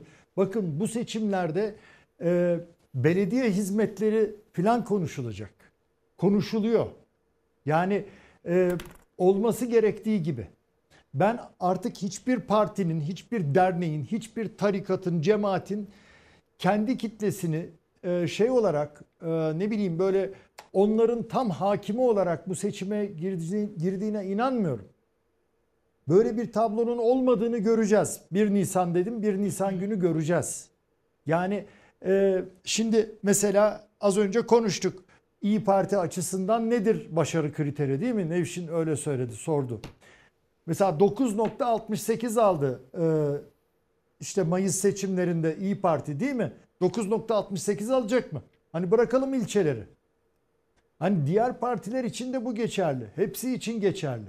Yani e, artık o devir de geçiyor. Yani bu, bunu olumsuz bir şey olarak söylemiyorum. Bunu olumlu bir şey olarak söylüyorum. Yani belediyeden hizmet almak istiyor insanlar.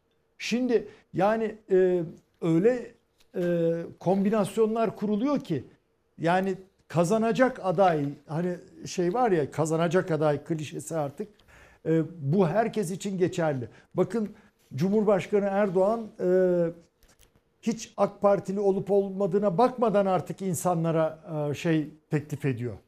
Belediye başkanlığı teklif ediyor. Örneğin işte Aydın Ay Aydın var. Aydın Ay Aydın önce Anavatan Partisi'nden milletvekili oldu. Ondan sonra Cumhuriyet Halk Partisi'nden milletvekili oldu. Demek ki böyle bir ideolojik tercihi falan olan bir insan değil.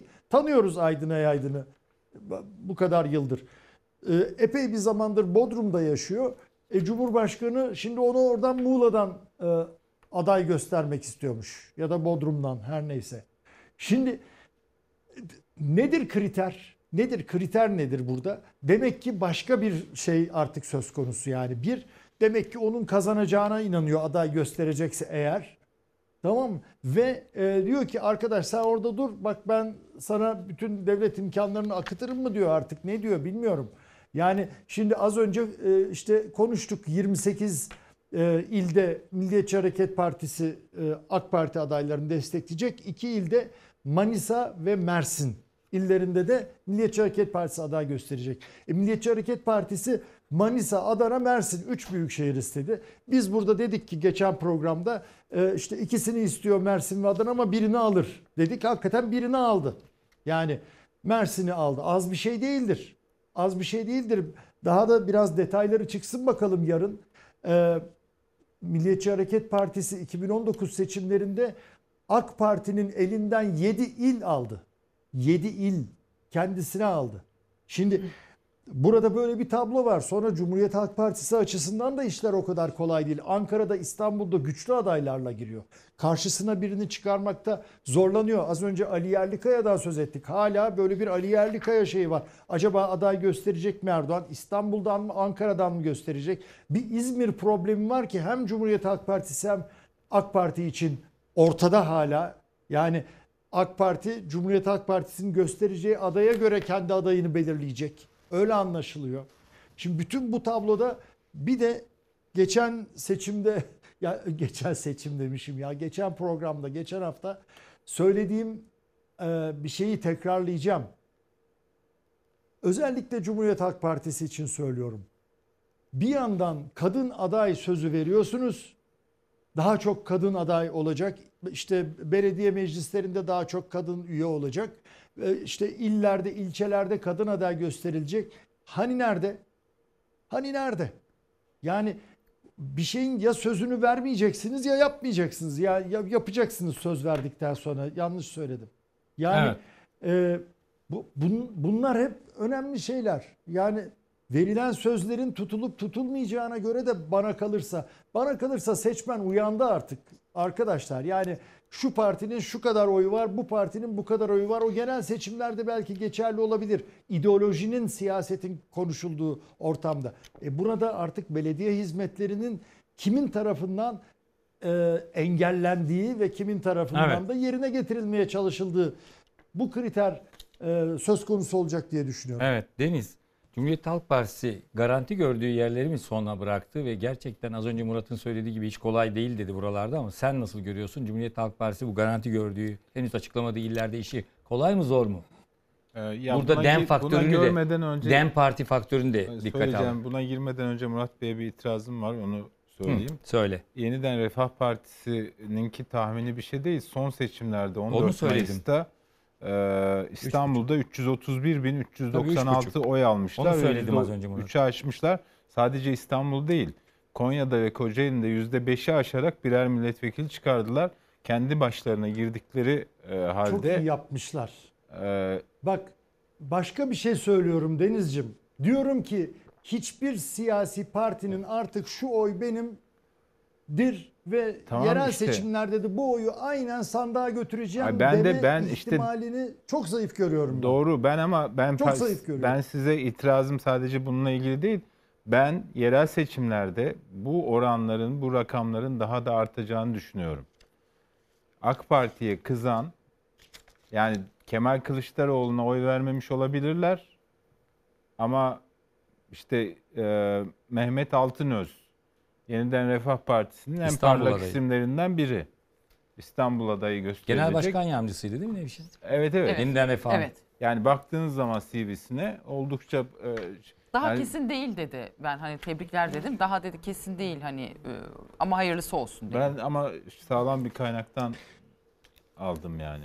Ben e, bir şey söyleyeyim mi? Ben İslami kesimin, siyasi İslami kesimin e, iş o noktaya geldiğinde belediyeyi Cumhuriyet Halk Partisi mi alsın, AK Parti mi alsın şeyinde e, isterse yeniden refahın ister ne kadar tepkili olursa olsun gidip e, AK Parti'ye oyunu vereceğine inanıyorum. Bakalım ben- göreceğiz ben- 1 Nisan'da ben de tersini e, programımız ayın kaçında? Ben de e, Yeniden Refah Partisi'nin bu ittifak dengesi içinde e, CHP adayının İstanbul'da özellikle İyi Parti'nin tavrı nedeniyle kaybettiği şeyi e, AK Parti'ye yaşatacağı kanaatindeyim ve bir denge unsuruna dönüştüğünü dönüştüğü kanaatindeyim. E, bu boyutun altını çizmek isterim. E, diğer taraftan ya CHP'de şöyle bir şey var. Yani şimdi Nevşin söyledi ya o çok önemli. Yani Kemal Kılıçdaroğlu 1 Nisan'ı bekliyor orada. Yani e, 14 Mayıs'tan sonra kurultay yenilgisini hazmedemediği anlaşılıyor. Yani tekrar bu partiyi geri alacağım gibi bir çabası var. Etrafındakiler de artık güçlerini kaybettikleri için ve bütün her şeylerini, istikballerini Kemal Kılıçdaroğlu'na bağladıkları için Kemal Kılıçdaroğlu'nu yeniden sahneye çıkarma çabası içindeler. O da anlaşılıyor. Ee, bu CHP'ye ciddi bir zarar verebilir seçimlerde.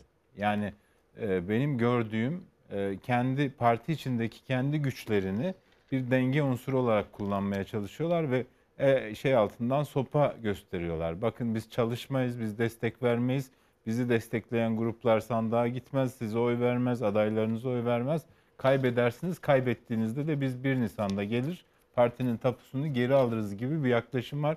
Bu çok böyle hizipçi, e, sağlıksız bir yaklaşım. Tehlikeli bir yaklaşım. Tehlikeli bir yani tehlike CHP açısından bir tehlike. Onu tabii. söylemek istiyorum. Ee, ama e, genel merkezinde şuna dikkat etmesi lazım.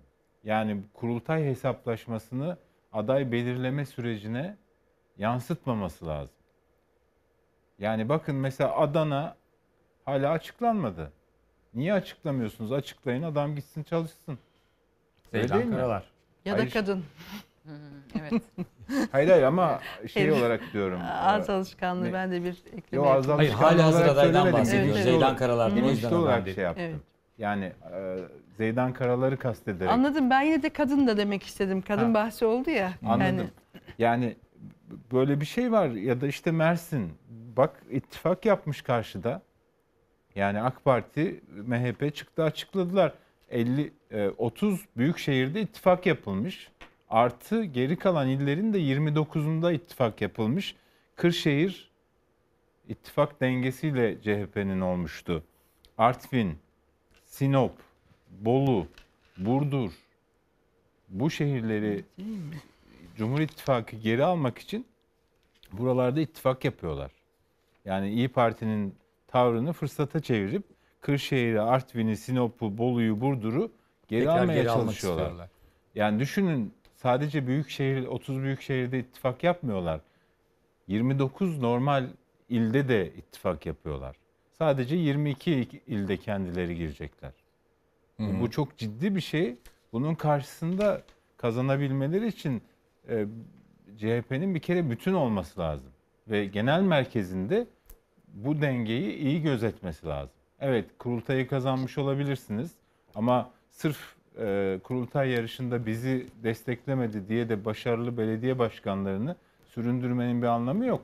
İşte e, kendileri açıkladılar Aydın Büyükşehir Belediye Başkanı'nın yeniden aday olacağını. İki haftadır açık, e, resmi olarak duyurulmadı.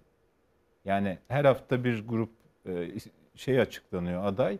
Aydın yok, Mersin yok, Adana yok. Önemli ilçeler yok, Çankaya Ha, yok. Önemli ilçeler İstanbul'un yok. ilçeleri yok. Şimdi düşünün Ankara'da yeni mahalleyi açıklıyorsunuz, Elma Dağı açıklıyorsunuz, Çankaya'yı açıklamıyorsunuz mesela.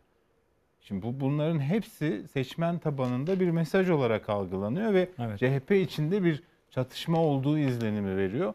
Bunun derhal giderilmesi lazım genel merkez Evet. tarafından. Çünkü e, karşıda bir ittifak var ve sizin müttefikleriniz sizi terk etmiş durumda. Siz bütün mücadelenizi adaylar üzerinden tek başına yapacaksınız. Yani İstanbul'da CHP olarak şey yapsanız CHP oyuyla belediye seçimi kazanamazsınız ama Ekrem İmamoğlu kazanabilir. Yani anketlere bakıyorsunuz Ekrem İmamoğlu hala birinci çıkıyor ama CHP için anket yaptığınızda aynı sonuç olmuyor. Ya da Ankara'da Mansur iktidarın şeyini gördüm ben dün e, yaptırdığı bir anketi. Mansur Yavaş'a karşı 15 ayrı isimle anket yapmışlar. 15 ayrı isim. Yani aklınıza gelebilecek herkesi koymuşlar tek tek. En yakınındaki yüzde, şey, 10 puan falan daha düşük. Ne gerek var buna? İktidar yapmış. Ha, Cumhuriyet Halk Partisi yapmış sandım. Yok iktidar yapmış. Yani düşünebiliyor musun? E, Şu anda iktidar da zorlanıyor. İktidarın oyu %35'e Orası düşmüş. muhakkak. Bu ekonomik krizde daha da düşecektir. E, Yani e, dolayısıyla iktidarın zorlandığı bir ortamda böyle hatalar yapıp iktidara bir şey sunmamak lazım. Evet. İktidarın zorlandığı kesin çünkü e, sanıyorum Ömer Çelik açıkladı değil mi? Esnek davranacağız ve e, e, biraz daha uzatacağız adaylık sürelerini ona göre inceliyoruz dedi. Yani zaman kazandı daha doğrusu. Bu kadar ilde ittifak yapmaları bence bunun bir göstergesi. Evet. Peki burada Deniz'in dikkat çektiği işte karşıda bloklaşmış, kemikleşmiş bir Cumhur İttifakı var. İşte şimdiden de planını yaptı. e, illeri bölüştü. İyi Parti'nin bu boşluğundan da yararlandı ve bir kendince tırnak içinde bir strateji geliştirdi. Bu tarafta da işte Cumhuriyet Halk Partisi'nin durumunu özetledi Deniz. Bir taraftan DEM Partisi'nin ayrı bir e, aday çıkarma durumu var. Nasıl görüyorsun demin etkilerini Çiğdem? Kısaca senle bitirelim. E, bu bir gizli protokol ortaya çıktı hatırladığımız gibi seçim sonrası Cumhuriyet Halk Partisi ile Zafer Partisi arasında daha doğrusu Kemal Bey ile Ümit Özdağ arasında. E, bu protokolde e, kayyumlarla ilgili bir madde de vardı. Ben bu e, maddenin e, DEM Partisi üzerinde ve seçmen üzerinde belirleyici bir etki e, doğurabileceğini düşünüyorum. E, dolayısıyla DEM Partisi ve onun seçmeni açısından yerel seçimlerde e, seçmen profilinin e, böyle bir çantada keklik gibi e, görülemeyeceğini, e, bunun bir e, etki alanının olabileceğini düşünüyorum. Evet. Noktalıyoruz. Ee, programımızı orta sayfayı Kuzey Irak'tan gelen şehit haberlerimizle açmıştık. Maalesef şehitlerimiz 6'ya yükseldi. Bütün şehitlerimize Allah'tan rahmet diliyoruz. Ailelerine başsağlığı diliyoruz. Bu saate kadar bizi izlediniz, sabrettiniz. Haftaya tekrar kavuşmak dileğiyle diyoruz. Hoşçakalın.